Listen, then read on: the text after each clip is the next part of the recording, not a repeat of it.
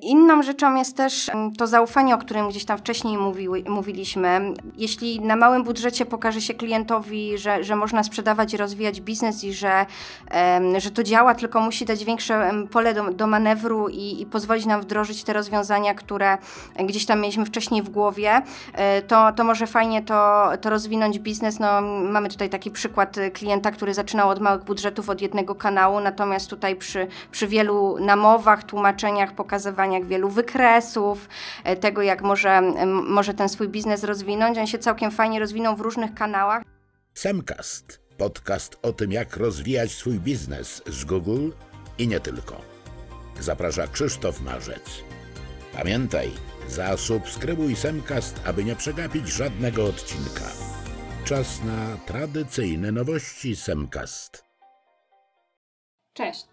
Z tej strony Ewelina Ibek i witam Was w siódmym odcinku naszego podcastu. Zanim przejdziemy do rozmowy o tym, jak szybko i tanio wejść w biznes online, przedstawię Wam najciekawsze nowości ze świata marketingu. Zaczniemy od nowości prosto od Google, a mianowicie od multiwyszukiwania w Google Lens, czyli w aplikacji Obiektyw Google.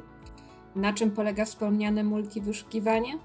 To nic innego jak możliwość wyszukiwania jednocześnie przy użyciu tekstu i obrazów.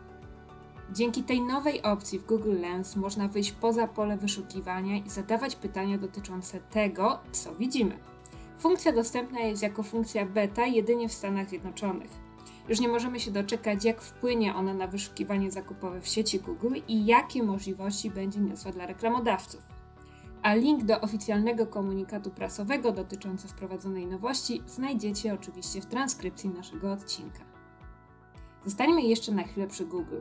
Kolejną nowinką jest dopiero co opublikowany raport na temat działań mających na celu zapobieganie złośliwemu wykorzystaniu platform reklamowych, czyli coroczny raport dotyczący bezpieczeństwa reklam za 2021 rok.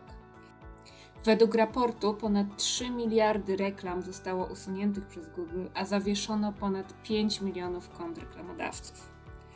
Warto spojrzeć do raportu, by przekonać się, jaki content stanowił w oczach Google naruszenie. Link do pełnego raportu oczywiście na naszej stronie.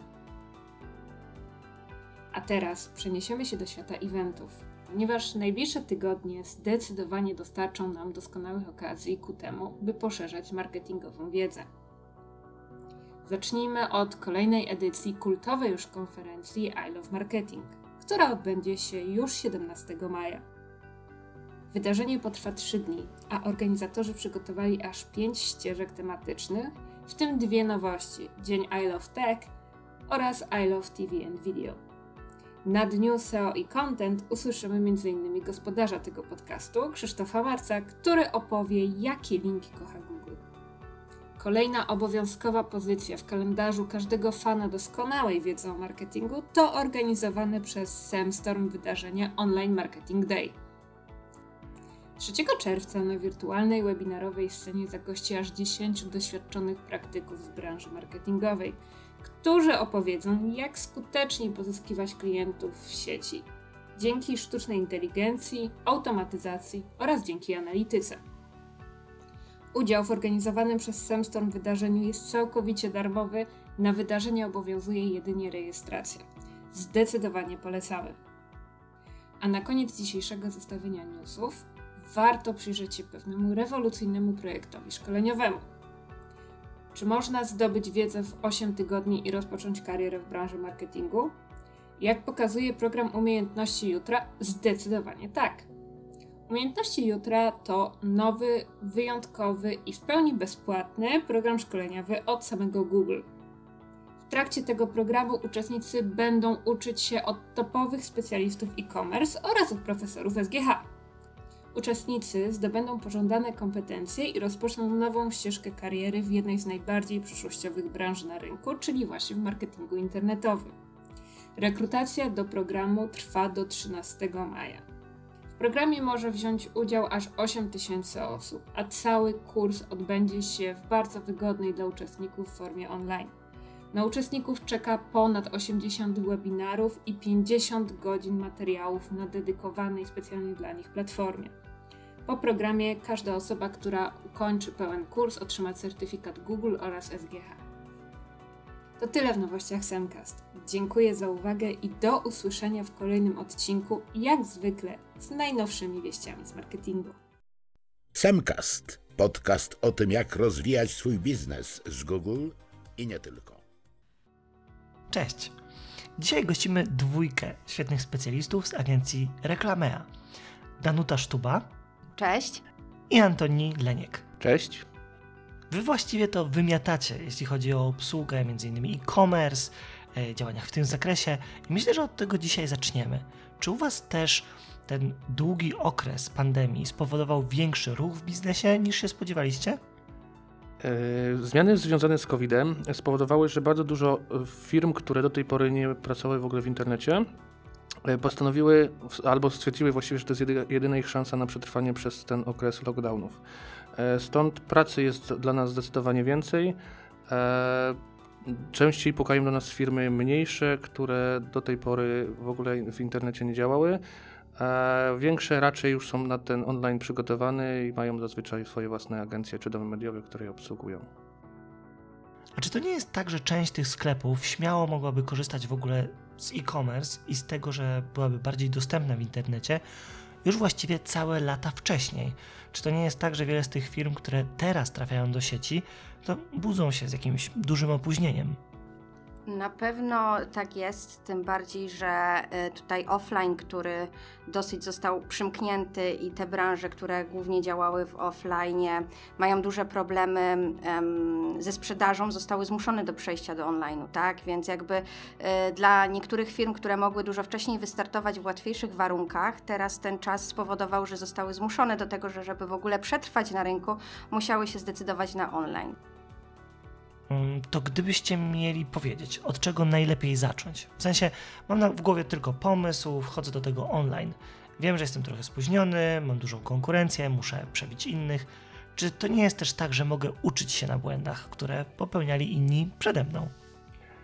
E, Pierwsza taka zasada, którą należałoby wziąć, to jest działać zwinnie, szybko i tanio. Dlatego, że sklep internetowy można przygotować za kilkadziesiąt tysięcy, zlecając e, bardzo szczegółowo wygląd tego sklepu, decydując się na rozwiązania dedykowane. A tutaj nie ma czasu na to, żeby ten sklep tworzyć przez wiele miesięcy i inwestować dużo środków. Lepiej wziąć sklep w SASie za 300 zł w pierwszym roku, wrzucić tam produkty, które mamy, czy usługi, które mamy do sprzedaży e, i uruchomić tą sprzedaż dosłownie w 3 dni. Taki sklep od momentu właściwie podjęcia decyzji e, i zbudowania sobie biznesplanu można postawić właściwie w tydzień, w tydzień zacząć sprzedawać e, i wejść e, w, w, do grona tych, którzy do tej pory na rynku siedzieli bardzo długo. I tutaj bardzo ważne jest to, żeby być takim świadomym przedsiębiorcą, dojrzałym przedsiębiorcą, bo o tyle, o ile, tak jak tutaj Antoni powiedział, można ten e, sklep postawić za, e, za, za kilka złotych tak naprawdę, tak, świadomość swojego biznesu i tego, jakie mamy na przykład marże, czy, czy nam się to opłaca, czy, czy wiemy, ile zarabiamy, ile musimy do tego włożyć, ile ta kampania będzie kosztowała, ile to postawienie sklepu będzie kosztowało. To też zależy od świadomości w ogóle prowadzenia biznesu i dojrzałości samego biznesmena, który, czy tam przedsiębiorcy, który, który prowadzi biznes. Ok, no to załóżmy, że otwieramy sklep. Wybieramy model SaaS, czyli idziemy w rozwiązanie gotowe. I tu, na czym się skupić w tym procesie na początku najbardziej? Co możemy zawalić? Jakie są największe pułapki, które na nas czekają właśnie w tym momencie? Największy problem wśród naszych klientów to jest brak jakichkolwiek materiałów dotyczących swoich usług czy produktów. Czyli sprzedają produkty do tej pory w offline, nie potrzebowali zdjęcia produktu, nie potrzebowali opisu, e, nie mieli tego podzielonego na jakieś kategorie, e, segmenty tych produktów. E, Równie dobrze też te usługi też były takie niezdefiniowane, co powodowało, że jeśli mamy nagle wziąć i opisać kilkadziesiąt produktów, czy stworzyć sklep, całe drzewo kategorii, to to jest już największy często problem na starcie. E, Czyli trzeba e, przygotować trochę materiałów e, wcześniej, po to, żeby ten sklep rzeczywiście mógł ruszyć. I tutaj też wracamy do tego, co wcześniej powiedziałam, czyli ten brak umiejętności policzenia sobie opłacalności tego biznesu. I na przykład, y, nie wiem, inwestowanie na samym początku w SEO, które, no, żeby rozwinąć się i przynieść jakąś realną sprzedaż, no, potrzebuje troszeczkę czasu.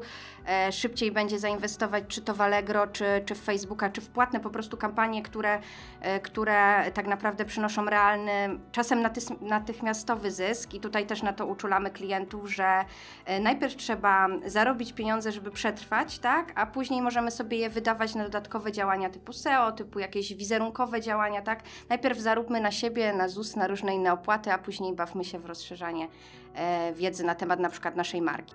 Ym, Miałem nawet kiedyś taki przypadek, że klient planował budżet w ten sposób, że drugą i trzecią fakturę chciał zapłacić ze środków, które zarobiłby w pierwszym miesiącu. Wydaje mi się, że to nawet pomijając już SEO, nawet w samych Facebook Adsach, czy Google Adsach, czy właśnie Allegro Adsach może po prostu mu nie wyjść. No i czy w ogóle każdy biznes, który do tej pory sprzedawał się offline'owo, da się przenieść do tego internetowego e-commerce z szansą w ogóle na wypracowanie jakiegoś zysku. Znowu bez jakiegoś specjalnego zaplecza i przygotowania się do tego przez długie miesiące. E, Są takie branże, które są bardzo trudne do zdigitalizowania. E, Najtrudniej sprzedawać odzież e, czy usługi oraz spożywkę.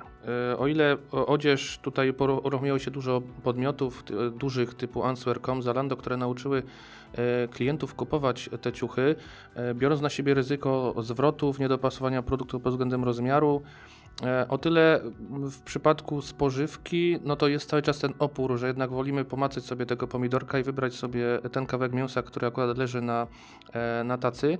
Więc są takie branże, które jest bardzo trudno zdigitalizować, ale nie, nie, nie jest to niemożliwe. Co najwyżej będzie to wymagało większych nakładów środków, e, trochę więcej czasu albo sprytu, e, bo to jest też tak, że mamy bardzo dużo różnych kanałów marketingowych, które możemy użyć i powinniśmy dopasować e, kanały do tego miejsca, w którym użytkownik, który może kupić nasze produkty lub usługi, po prostu tam przebywa.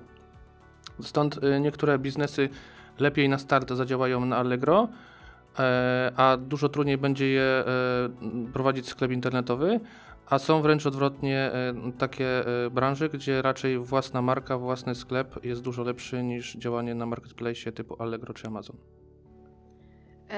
Z jednej strony tutaj, tak jak Antoni powiedział, mm, nie każdą branżę da się zdigitalizować, natomiast nie każdy w ogóle biznes czy, czy, czy przedsiębiorstwo, mówiąc już tak trochę szerzej, jest w stanie w ogóle przenieść się do online'u z racji tego, że nie wiem, biznes jest prowadzony przez 30 lat, e, jest stara księgowość, tych procesów nie da się przenieść jakby tak bezpośrednio do online'u, nie ma też mentalności u przedsiębiorcy, e, nie ma zrozumienia internetu, specyfiki tej, tego internetu, sprzedaży w internecie, e, nie ma odpowiedniej przygotowanej kadry, która będzie w stanie na przykład e, obsłużyć zamówienia z Allegro, czy, czy w ogóle jakieś obsłużyć kampanię, czy cokolwiek zdigitalizować, tak?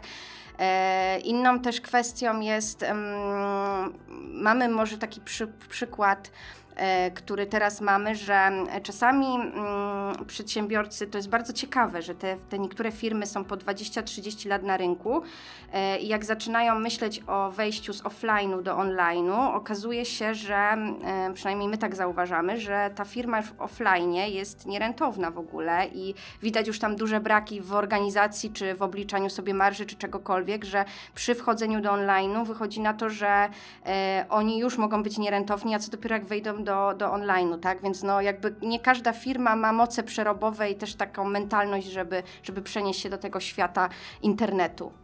Ja mam też takie wrażenie, że czasem firmy zapominają o tych dodatkowych kosztach. No bo postawienie sklepu, uruchamianie kampanii to jedno, ale przecież są jeszcze koszty pracowników, logistyki, samopakowanie, wysyłanie i nie uwzględniają tego w marżach.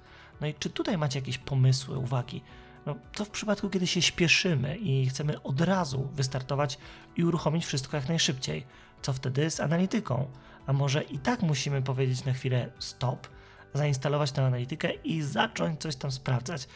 Czy są może jakieś prostsze metody na to, żeby sprawdzić, czy to wszystko właściwie działa i czy podjęliśmy kierunek, który jest dobrą drogą dla rozwoju tego sklepu? Każdy biznes należy zacząć od, e, od zbudowania tej analityki, czyli w przypadku sklepu internetowego Google Analytics to podstawa i to dobrze skonfigurowany, bo bardzo często przychodzą do nas sklepy internetowe, które mówią, nam się to nie opłaca, po czym my sprawdzamy Google Analyticsa, a tam nawet nie ma liczonych mm, ani transakcji, ani przychodów, więc nie ma z czego tak naprawdę wyciągnąć jakichkolwiek wniosków. E, oczywiście jeśli działamy niekoniecznie w sklepie, ale na przykład na Allegro, to jest dużo narzędzi, albo nawet zwykły Excel e, wystarczy do tego, żeby e, zbadać i zmierzyć sobie wszystkie ważne koszty z punktu widzenia tego biznesu. Czyli nie tylko sama prowizja Allegro za sprzedaż, ale prowizja dodatkowa za sprzedaż produktu wyróżnionego, dodatkowo dopłaty do Allegro Smarta, abonament w Allegro, e, nawet koszt spakowania pudeł, e, koszt pudełka, koszt spakowania zamówienia e, inne poboczne koszty. I to niestety powinniśmy sobie wyliczyć na samym początku. Nawet jeśli to mają być jakieś ogólne założenia, to zróbmy to na jakichś ogólnych założeniach, a po miesiącu działania e, weźmy realne dane i e, sprawdzimy, jak wygląda, e, jak wygląda sytuacja realna, a jak wyglądały pierwotne założenia. Po to, żeby jak najszybciej wyłapać te miejsca, gdzie te pieniądze nam po prostu uciekają.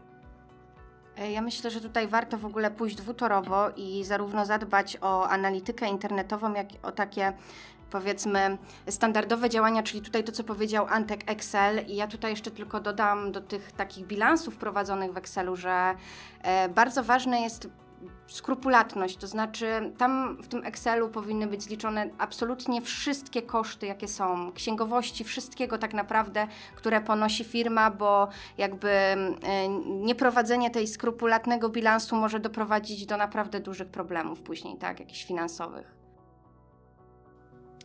Mnie to się od razu kojarzy z moją historią, że co chwilę okazywało się, że jestem bogaty, a potem okazywało się, że to jednak wynika z tego, że płacę VAT kwartalnie.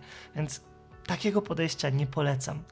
No ale dobra, jesteśmy na tym etapie, że mam założony sklep, wiem, że się trochę śpieszymy, żeby wystartować, wiemy, że musimy patrzeć na rentowność i obserwować efekty swoich działań i kampanii. I czy tutaj jest teraz miejsce na współpracę z agencją i właściwie od czego zacząć taką pracę z agencją? No, mówiliśmy o tym, że SEO można zostawić na drugi tor, chyba że mamy zapasowy budżet albo większy budżet i patrzymy długofalowo. Od czego takie działania możemy zacząć? Co uruchomić na początku? Przede wszystkim e, możemy zacząć z agencją, ale tak naprawdę musimy sobie zdać sprawę o tym, że e, z, z tego, że musimy być szczerzy wobec agencji. To znaczy, jeśli bierzemy agencję, która ma nam pomóc, to musimy być wobec niej totalnie szczerzy. Choćby nawet przykładowy e, rzecz to jest marża. E, Jeśli my nie pochwalimy się, e, czy tam nie, nie poinformujemy naszej agencji o tym, jaką mamy marżę, to ona robiąc kampanię w ciemno, nie wiedząc o tym, jaki zwrot jest oczekiwany, będzie kamp- robiła kampanię według, e, według jakichś założonych przez siebie celów, niekoniecznie celów e, tego przedsiębiorcy. Po miesiącu okaże się, że koszt kampanii zjada całkowicie całkowi- całą marżę, e, która, która była na tym produkcie czy lub usłudze.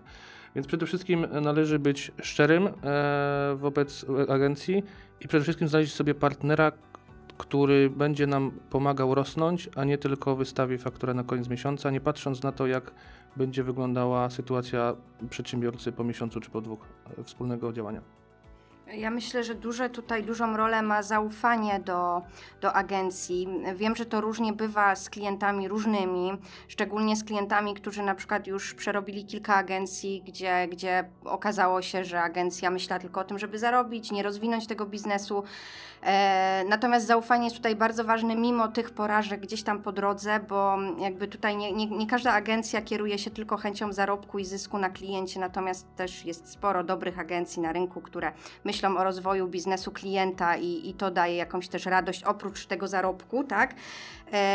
Zaufanie polegające na przekazywaniu, tak jak tutaj Antoni też mówił, wielu informacji niezbędnych, czyli marż, jakichś dostępów.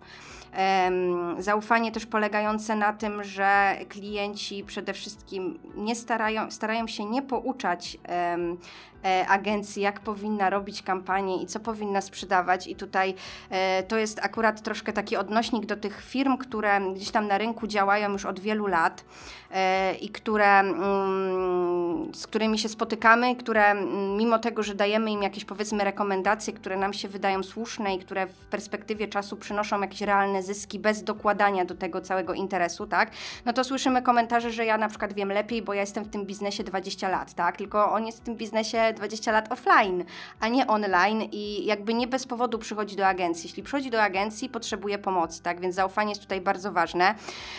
No i druga dla mnie bardzo ważna rzecz mm, z punktu widzenia takiej współpracy z klientem, współpraca w czasie rzeczywistym, czyli jeśli mm, wysyłamy klientowi feedback, że coś jest nie tak z kampanią, albo że trzeba coś na stronie poprawić, albo że coś nie działa, wiemy, że na przykład karty produktów są złe, nie wiem, koszyk źle e, funkcjonuje na stronie, on się nie sprawdza, nie wiem, te koszyki są za małe, no i potrzebujemy współpracy też z klientem, tak? Jeśli on się nie odzywa dwa tygodnie, trzy tygodnie, ta kampania leci, my nie wiemy, co z nim zrobić, na koniec miesiąca się okazuje, że nic się nie pospinało, no a wina jest po części klienta, tak? Więc jakby e, bardzo ważne jest, żeby żeby regularnie ze sobą rozmawiać i żeby klient też miał taką świadomość, że on musi realnie uczestniczyć w rozwijaniu tego biznesu. Nie będzie tak nigdy, że on zleci wszystko agencji, agencja absolutnie wszystkim się zajmie, e, a on po prostu jakby tylko policzy zyski na koncie, tak? No on musi być w tym procesie, bo on jest niezbędnym elementem tego procesu, tak? Mam wrażenie też, że łączy się to z pewnymi błędami, które często popełniają właściciele sklepów. To znaczy, wybór jakiegoś skomplikowanego systemu, na przykład dedykowanego sklepu, wiąże się z tym, że nie mogą szybko reagować na takie błędy. Czyli znowu wracamy do punktu wyjścia, w którym łatwy system, załóżmy sasowy, pozwala mi wyedytować opisy produktów, reagować na bieżąco. No i teraz, kto powinien się tym zajmować? Czy to jest tak, że powinniśmy zawsze mieć to na głowie konkretnej osoby, która jest właścicielem biznesu, lub pracownikiem tego biznesu. Czy w pewnych przypadkach musimy powiedzieć stop i powinien być to ktoś zewnętrzny, na przykład dobry, doświadczony copywriter. Jak to z Waszego doświadczenia wygląda? Czy zawsze sobie firma radzi z tym, żeby te opisy były dobre, żeby te zmiany treści były ok? E, w większości przypadków ja myślę, że firmy sobie generalnie nie radzą, tak? To znaczy mają jakieś po, pojęcie o opisaniu, pojęcie o produkcie, znają dobre cechy tych produktów, natomiast e, wielokrotnie spotykaliśmy się też z takimi sytuacjami, gdzie klient dostarczał nam opisy na przykład kategorii jakichś produktów w sklepie, które w ogóle nie były napisane po pierwsze gramatycznie, po drugie nie miały sensu, e, po trzecie w ogóle się do niczego nie nadawały, tak? One były całkowicie do przeróbki i ja wiem, że klienci też mają takie podejście, że jak oni zrobią coś sami, to będzie taniej, tak? No bo nie będą musieli agencji zapłacić, poświęcą swój czas, tak? Natomiast nie zawsze się to sprawdza e, i lepiej czasami po prostu zapłacić e, troszeczkę więcej agencji, zaoszczędzić swój czas, który mogę przerzucić, nie wiem, na rozwój czegoś innego w sklepie albo zmianę czegoś innego, nawet na zrobienie bilansu jako powiedzmy klient agencji, niż zajmować się pisaniem, e, pisaniem opisów kategorii czy produktów, czy w ogóle tworzeniem takich treści kontentowych na stronę, które i tak później agencja musi poprawiać, tak, bo one się do niczego nie nadają. Ok, czyli mamy takie filary jak przygotowanie tego tekstu technicznie, czyli podpozycjonowanie, mówimy tutaj na przykład o nagłówkach, tytule, hajdynkach. Tak musimy pisać na sensowny temat skazany na sukces, czyli musimy zacząć od analizy słów kluczowych. No i jeszcze napisać to dobrze pod użytkownika i merytorycznie dobrze, żeby nikt nam nie zarzucił błędów. No i w sumie wydaje mi się, że pisanie tych opisów do sklepu internetowego to jest trudne zadanie nawet dla copywritera, który zna się na SEO, ponieważ on musi dodatkowo świetnie znać na tym produkcie. Czyli przed nami spore wyzwanie. Ale dobra, są jeszcze takie inne problemy, takie grzeszki po stronie obsługi w sklepie, po stronie klienta, które nam kompletnie uniemożliwiają dalszą pracę. E, nie jest ona skuteczna, mówię tutaj o agencjach. Na pierwszym miejscu stawiałbym tu chyba audyt, czyli niewdrożenie tego audytu. Ktoś dostaje audyt, widzimy błędy, wiemy co trzeba poprawić, a on jest niewdrożony kompletnie. Coś jeszcze Wam przychodzi do głowy? E, na pewno ten audyt SEO, który y, tworzymy dla, dla firmy, często jest niewdrażany. Mm, robimy też audyty kont Allegro i często jest tak, że jesteśmy w stanie zoptymalizować to konto, czyli sprawić tak, żeby płaciło się mniej za pro, prowizję dla Allegro, y, po to, żeby ta sprzedaż była większa i to też często te audyty dotyczące kont Allegro nie działają. Często jest też problem z treścią, w, czy, czy nawet cennikami produkt, produktów od, od dostawcy. No i taki chyba największy problem to jest są stany magazynowe. No, coraz bardziej modny jest sprzedaż w dropshippingu. I największym problemem w dropshippingu jest to, że nie ma synchronizowanych i aktualizowanych stanów magazynowych od hurtowni. Czyli sprzedajemy produkt, którego prawdopodobnie już nawet nie mamy. I to jest y, jeden z największych, moim zdaniem, problemów na e, Allegro, gdzie zdecydowana większość sprzedawców to są sprzedawcy dropshippingowi, czyli sprzedają produkt, którego na stanie nie posiadają. Ja już tak odchodząc od kampanii, od Allegro, od SEO, to myślę, że takim grzeszkiem czy grzechem w ogóle klientów w e-commerce, prowadzących e-commerce, e, naszych klientów jest na przykład słaba obsługa w ogóle sklepu internetowego, opóźnione wysyłki towarów, nieobsługiwanie zamówień, nieobsługiwanie tych zamówień, które wpadają też na przykład z Allegro, tak? No bo jakby agencja może zrobić jak naj, najlepszą kampanię, może zrobić super audyt, tak? Może zrobić piękne grafiki, może świetnie poprawić sklep, natomiast jeśli ta obsługa w sklepie jest obsługą no, fatalną, na, niską, na niskim poziomie, tak? Późno wysyłki, wieczne skargi klientów, powiedzmy, nie, nie, nieodpowiadanie na problemy klientów, tak? Czy na jakieś tam maile, no to nie jesteśmy w stanie, czy, czy w ogóle żadna agencja nie jest w stanie pomóc klientowi w rozwoju biznesu, jeśli nie ma właśnie tej obsługi, tak? Tej obsługi, która e, powinna być na coraz wyższym poziomie, bo i klient jest coraz bardziej wymagający. E, tak myślę, że też Allegro nas przyzwyczaiło do tego, że klikamy coś dzisiaj wieczorem i jutro po południu czeka w paczkomacie. I kiedy e-commerce się z tego mocno wychyla, albo zawala mi zamówienie, albo właśnie jak wspominaliście, coś jest w dropshippingu i dowiaduję się, że właśnie coś kupiłem, czego w magazynie fizycznie nie było, na przykład, to wtedy użytkownik jest bardzo poirytowany. Dorzucę też taki przykład, w sumie antyprzykład, gdzie nie mogliśmy uruchomić sprzedaży w sklepie meblowym, bo po wejściu do tego sklepu właśnie było widać, że nie jest zbyt profesjonalnie przygotowany. Tam były słabe opisy, po prostu sklep wyglądał amatorsko, nieskończony. Ale okazuje się, że głównym problemem było to, że po wpisaniu nazwy sklepu w Google pojawiała się wizytówka z map Google, w której były negatywne oceny. Na przykład, że czekam już 6 tygodni na te meble i dalej ich nie ma, pieniądze są w depozycie. No i to jest ogromny problem, bo dużo osób wracających do tego sklepu przez podanie jego nazwy albo sprawdzających opinię kompletnie wiedziało, żeby tam nie wydawać pieniędzy. Ale teraz porozmawiamy o takich rzeczach, które idą super, no bo komunikacja musi działać w dwie strony. My coś mówimy, klient czegoś słucha i nagle wychodzą ciekawe rzeczy z tego. Jakbyście mogli podzielić się jakimiś ciekawymi przykładami, co można właśnie takiej dobrej współpracy osiągnąć. Mieliśmy klienta, który sprzedawał kominki e, na Allegro. E, zaglądaliśmy to konto, było kiepsko prowadzone, aukcje były niezbyt dobrze opisane, e, zero wykorzystywanych funkcji reklamowych. W pierwszym miesiącu, gdy go przejęliśmy, E, gdy przyszedł do nas, e, zrobiliśmy audyt, opracowaliśmy wszelkie zalecenia, co należy na tym koncie poprawić. Klient stwierdził, nie będziemy e, robić tego sami, proszę, proszę zrobić to jako, jako agencja. Więc poprawiliśmy aukcję, wykorzystaliśmy trochę kreatywnego mm, sposobu odróżnienia się od konkurencji i tym sposobem po dwóch miesiącach ten klient zaczął sprzedawać dziesięciokrotnie więcej, wydając bardzo niewielki budżet reklamowy gdzie sukces tego konta był taki, że 90% y, zawdzięczaliśmy tak naprawdę kreatywnemu podejściu do tego klienta, a tak naprawdę tylko 10% to była zasługa budżetu reklamowego. Więc da się w ciągu dwóch miesięcy zwielokrotnić y, sprzedaż u danego klienta. No ten klient jest bardzo zadowolony, trafił do top 5 największych sprzedawców kominków na Allegro, więc jak widać da się.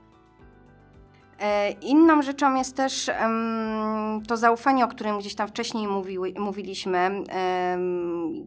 Jeśli na małym budżecie pokaże się klientowi, że, że można sprzedawać i rozwijać biznes i że, że to działa, tylko musi dać większe pole do, do manewru i, i, pozwolić nam wdrożyć te rozwiązania, które gdzieś tam mieliśmy wcześniej w głowie, e, to, to może fajnie to, to rozwinąć biznes. No, mamy tutaj taki przykład klienta, który zaczynał od małych budżetów, od jednego kanału, natomiast tutaj przy przy, wielu namowach, tłumaczeniach, pokazywaniach wielu wykresów, e, tego jak może, może ten swój biznes rozwinąć. On się całkiem fajnie rozwinął w różnych kanałach, natomiast jakby cały marketing został właściwie przekazany do nas i gdzieś tam e, dano nam na tyle zaufanie i zwiększano ten budżet, co też jest ważne, tak, że zwiększanie bu- budżetu powoduje większą sprzedaż. No w ciągu też kilku miesięcy dosyć dobrze się rozwinął, tak, ze sprzedażą. E, Dobra analityka, o której wcześniej rozmawialiśmy, e, często daje nam bardzo dużo dobrych i ciekawych danych i smaczków, które możemy wyciągnąć w późniejszej działalności. Jeżeli mamy dobrze skonfigurowanego Google Analyticsa i zbieramy bardzo dużo danych e-commerce'owych y, z rozszerzonego e- e-commerce, gdzie mamy informacje o tym, e, jakie produkty dodawane są do koszyka, ale nie są kupowane, lub wręcz odwrotnie, rzadko są dodawane, ale bardzo wysoka konwersja jest na zakup, to dzięki takim danym e, można bardzo szybko zwiększyć tą sprzedaż w sklepie, ponieważ może się okazać, że 80% naszej sprzedaży generuje kilka, kilkanaście takich wiodących produktów. Wystarczy je dopieścić, e, aby ta sprzedaż wystrzeliła. Też analiza m, danych dotyczących sprzedaży na Allegro, y, na całym, na całym Allegro, też pozwala wyłapać różne smaczki. E, Mamy klientów, którzy mają tysiące produktów na swoich kontach i prowadzą sprzedaż e, bardzo wielu produktów z bardzo wielu kategorii, generują e, obrót o poziomie X, ale mamy też przykłady takich klientów, którzy mają dosłownie dwa produkty i potrafią sprzedawać je dosłownie na paletami, generując dokładnie ten sam, ten sam obrót, ale generując zupełnie inne marże. E, Logistyka również jest łatwiejsza, ponieważ jeden produkt to jest jedna wielkość pudełka, ustandaryzowany e, sposób pakowania, e, co powoduje, że wyciągnięcie e, do, dobrych danych, z, dobrych e, ana, analiz z, z, do, z dobrych danych powoduje, że bardzo prostą jedną decyzją można bardzo łatwo poprawić cały biznes. No właśnie to jest taka praktyka, z którą się często spotykam, że w pewnym momencie po zebraniu jakiejś ilości danych, jakimś czasie, jak ktoś mówi stop, zaczyna segregować te produkty, które sprzedaje, czy nawet usługi, które sprzedaje i zostawia tylko te, które są zawsze rentowne, łatwo się je sprzedaje, nie rodzą po prostu problemów i ograniczam ten długi ogon, ograniczam ich ilość po to, żeby mieć ten przyjęty konkretny standard. No ktoś powie, nie do końca tak jest, bo na przykład taki Empik świetnie sprzedaje dużo książek, bo właśnie ma ten długi ogon. Nawet takie tytuły mniej czy bardzo mało popularne się nieźle sprzedają. Tylko znowu powiedziałbym, że to dalej są książki, mają to świetnie pewnie przemyślane, jeżeli chodzi o magazynowanie, logistykę i tak. No i tu pojawia się moje pytanie. Czy na przykład Allegro na tym poziomie już teraz pozwala nam wyciągnąć takie dane, żeby przed ruszeniem z całą sprzedażą nauczyć się, dowiedzieć się e, z jakichś analiz konkurencji, a może w ogóle w innych narzędziach, od czego powinniśmy zacząć?